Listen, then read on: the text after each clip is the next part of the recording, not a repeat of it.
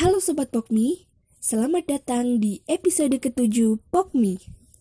Pada episode kali ini, Hima PBSI UNY melalui Divisi Bakat dan Minat bekerja sama dengan Divisi Kepenulisan sekaligus Divisi Komunikasi dan Jaringan mempersembahkan Pokmi dengan judul Niat Tak Sampai.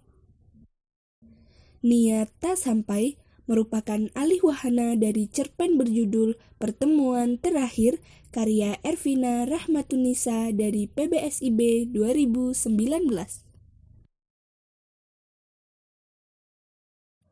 Pengisi suara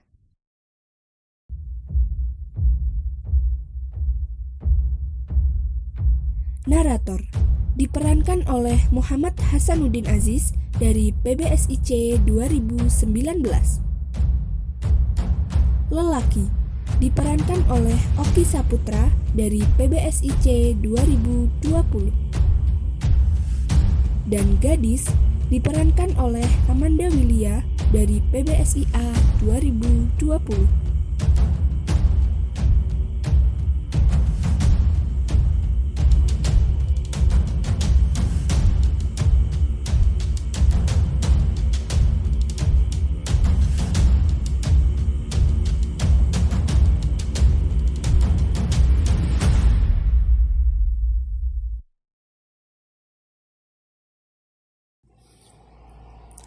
Akhir dari sebuah cerita panjang adalah tangis ketika salah satu mau tak mau harus meninggalkan.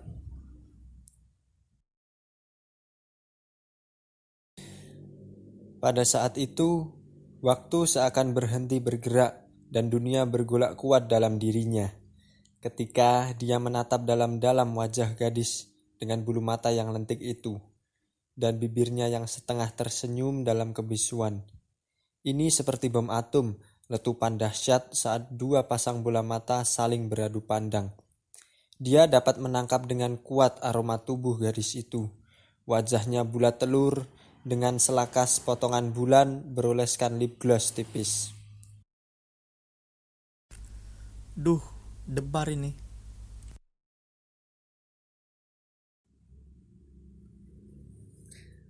Entah sudah berapa ratus cerpen yang ia tuliskan, sudah berapa ribu bait puisi cinta yang ia ciptakan.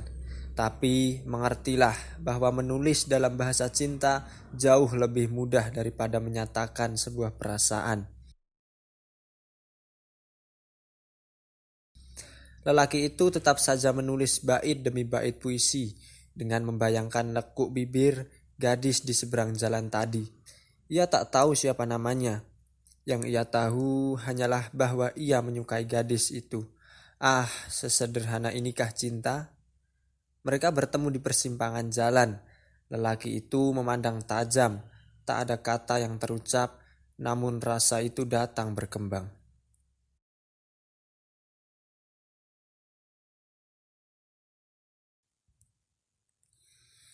Mungkin sudah seharusnya lelaki itu mempelajari bahasa yang dapat dipahami oleh siapa pun di permukaan bumi, bahasa yang berada di tiap-tiap hati mereka, bahasa yang tidak membutuhkan penjelasan, seperti halnya jagat raya yang tak membutuhkan penjelasan dalam perputarannya di ruang waktu yang tak berujung. Mereka biasa menyebutnya sebagai bahasa cinta. Esoknya, gadis itu kembali berdiri di tempat yang sama, mengenakan hem merah muda dan rok sepan selutut. Rambut yang diikatnya berayun pelan. Ia tetap saja melihat gadis itu dalam kebisuan. Entah apa yang menyumbat kerongkongannya, sehingga kata-kata yang ingin keluar kembali tertelan. Gadis itu kembali menyeberang jalan, lewat di sebelahnya. Aroma tubuh yang sama kembali menelisik paru-parunya Jantungnya berdebar kuat. Ia tetap saja anggun dan lembut. Untuk menyapanya saja, aku tak berani. Ah, aku memang payah. Cerita yang sama selalu terjadi dalam seminggu ini. Tujuh hari berlalu, empat belas hari berlalu. Masih sama saja, tak ada yang berubah. Tak ada yang dapat ia katakan. Tak ada keberanian untuk berkenalan. Aduh, serumit ini kah cinta? Malam ini lelaki itu hanya diam, berbaring menatap kosong ke langit-langit kamarnya yang putih, menyusun skenario untuk esok. Berkenalan dengan gadis itu, menyusun kalimat perkenalan yang mudah, sekedar hai mungkin.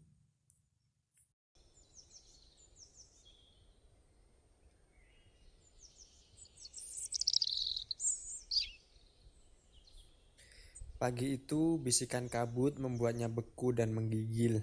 Seringai senyum di seberang sana, laksana sebuah kail yang harus ia kejar dengan menerobos pekat.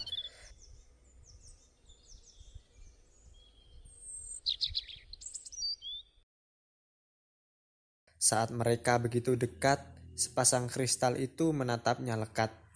Lalu gadis itu pergi, jauh dan semakin menjauh. Lelaki itu berlari mengejar si gadis yang semakin cepat.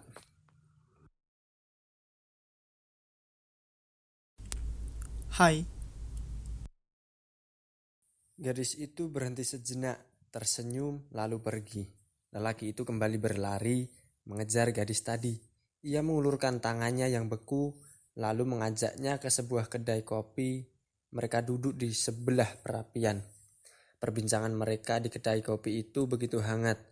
Mereka masih saja bercakap, padahal langit semakin dingin dan pekat. Menyekap beribu kata yang sempat tertelan, ia merasa bahagia sore itu. Dua minggu bercakap bersama, candu itu semakin candu. Entah candu kafein atau candu berdiam bersama. Gadis itu kembali memandang kosong, Bibirnya pucat, wajahnya pasi. Lelaki itu panik. Ia tak tahu apa yang harus ia lakukan saat itu. Bagaimana jika kita pulang saja? baiklah. Tapi izinkan aku mengantarkanmu. Malam sudah pekat dan dingin. Tidak usah, rumahku tak jauh dari sini. Persiapkan saja dirimu untuk menciptakan ribuan puisi lagi. Lalu gadis itu berlalu sambil tersenyum, sementara lelaki itu terdiam. Dari mana gadis itu tahu jika ia suka menulis puisi untuknya? Gadis itu begitu cantik, anggun, dan hangat. Ia semakin penasaran dengan gadis itu.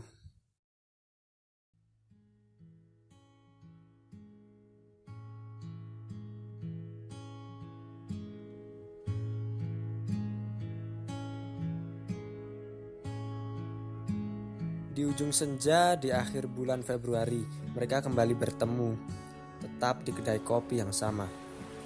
Mereka menghabiskan waktu dengan bercakap sambil menikmati deburan ombak dan matahari yang semakin tenggelam, terlihat di balik jendela kedai.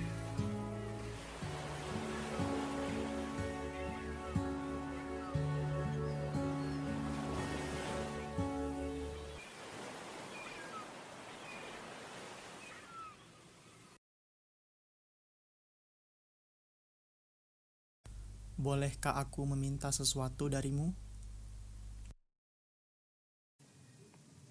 Apakah itu? Jika aku bisa memberikannya untukmu, maka akan kuberi. Aku ingin melamarmu. Aku telah lama mengamatimu diam-diam setiap pagi di persimpangan jalan itu. Gadis itu hanya tertunduk sepi, diam. Bagaimana? Boleh aku datang ke rumahmu? Untuk menemui orang tuamu, aku ingin menikahimu. Bersama menghabiskan masa-masa kita. Masa yang mungkin tak akan lama lagi. Apa maksudmu? Tidak, aku hanya mengingatkan padamu tentang hidup, bahwa Tuhan telah mengatur segala skenario kehidupan. Mungkin saja saat ini kita dapat bersama, namun aku tidak tahu, bisa saja esok kita saling kehilangan. Lelaki itu hanya terdiam, masih tidak paham mengenai apa-apa yang gadis itu baru saja katakan. Datanglah ke rumahku seminggu lagi, namun jangan datang sebelum hari Rabu tiba. karena aku tidak ada di rumah lagi. Aku pergi. Setelah memberikan kertas yang berisi alamat rumahnya, gadis itu pun pergi tanpa menyebar senyum. Hanya aroma khas tubuhnya yang menyeruak, sepi. Lelaki itu kini berdiri di persimpangan jalan yang sama, dengan jam yang sama, seperti hari-hari biasa. Seharusnya ia melihat gadis itu, tetapi tak ada siapa pun di seberang sana. Kemudian ia duduk di kedai kopi biasanya seorang diri. Panasnya perapian tak cukup menghangatkannya. Esoknya ia masih sama, ia tak lagi melihat gadis yang disukainya itu.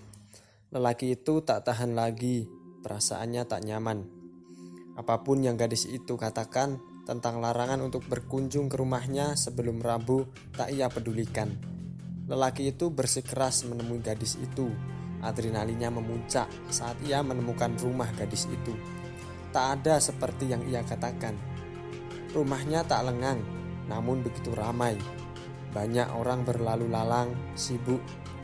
Namun aku tak melihat seorang pun berpakaian merah muda. Semuanya berpakaian hitam. Entah mengapa, atau mungkin hanya gadis itu saja yang mengenakan pakaian berwarna merah muda. Entahlah. Ia masuk dan mencari gadis itu.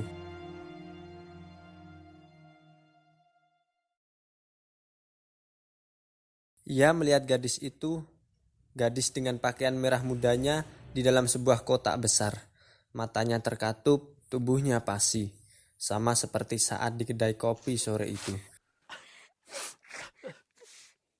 Isak tangis orang di sekitarnya membuat lelaki itu sesak napas.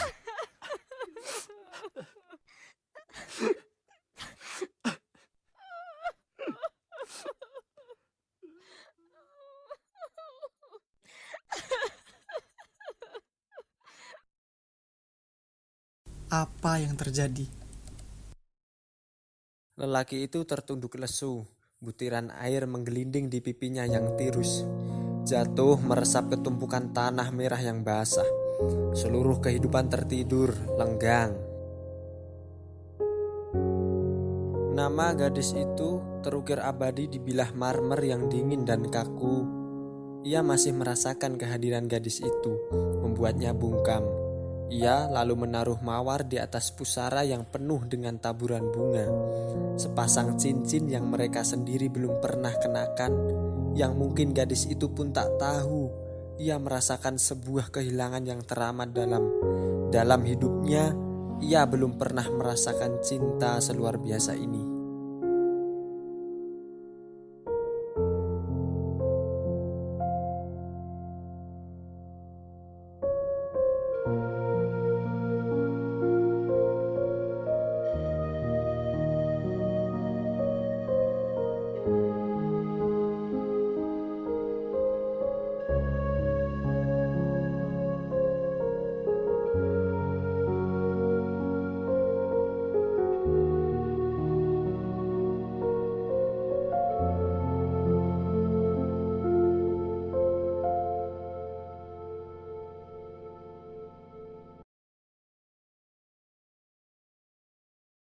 Demikianlah Sobat Pokmi, persembahan sastra audio dengan judul Niat Tak Sampai, alih wahana dari cerpen berjudul Pertemuan Terakhir karya Ervina Rahmatunisa dari PBSIB 2019.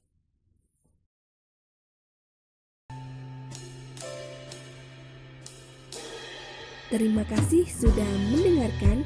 Sampai jumpa pada episode selanjutnya.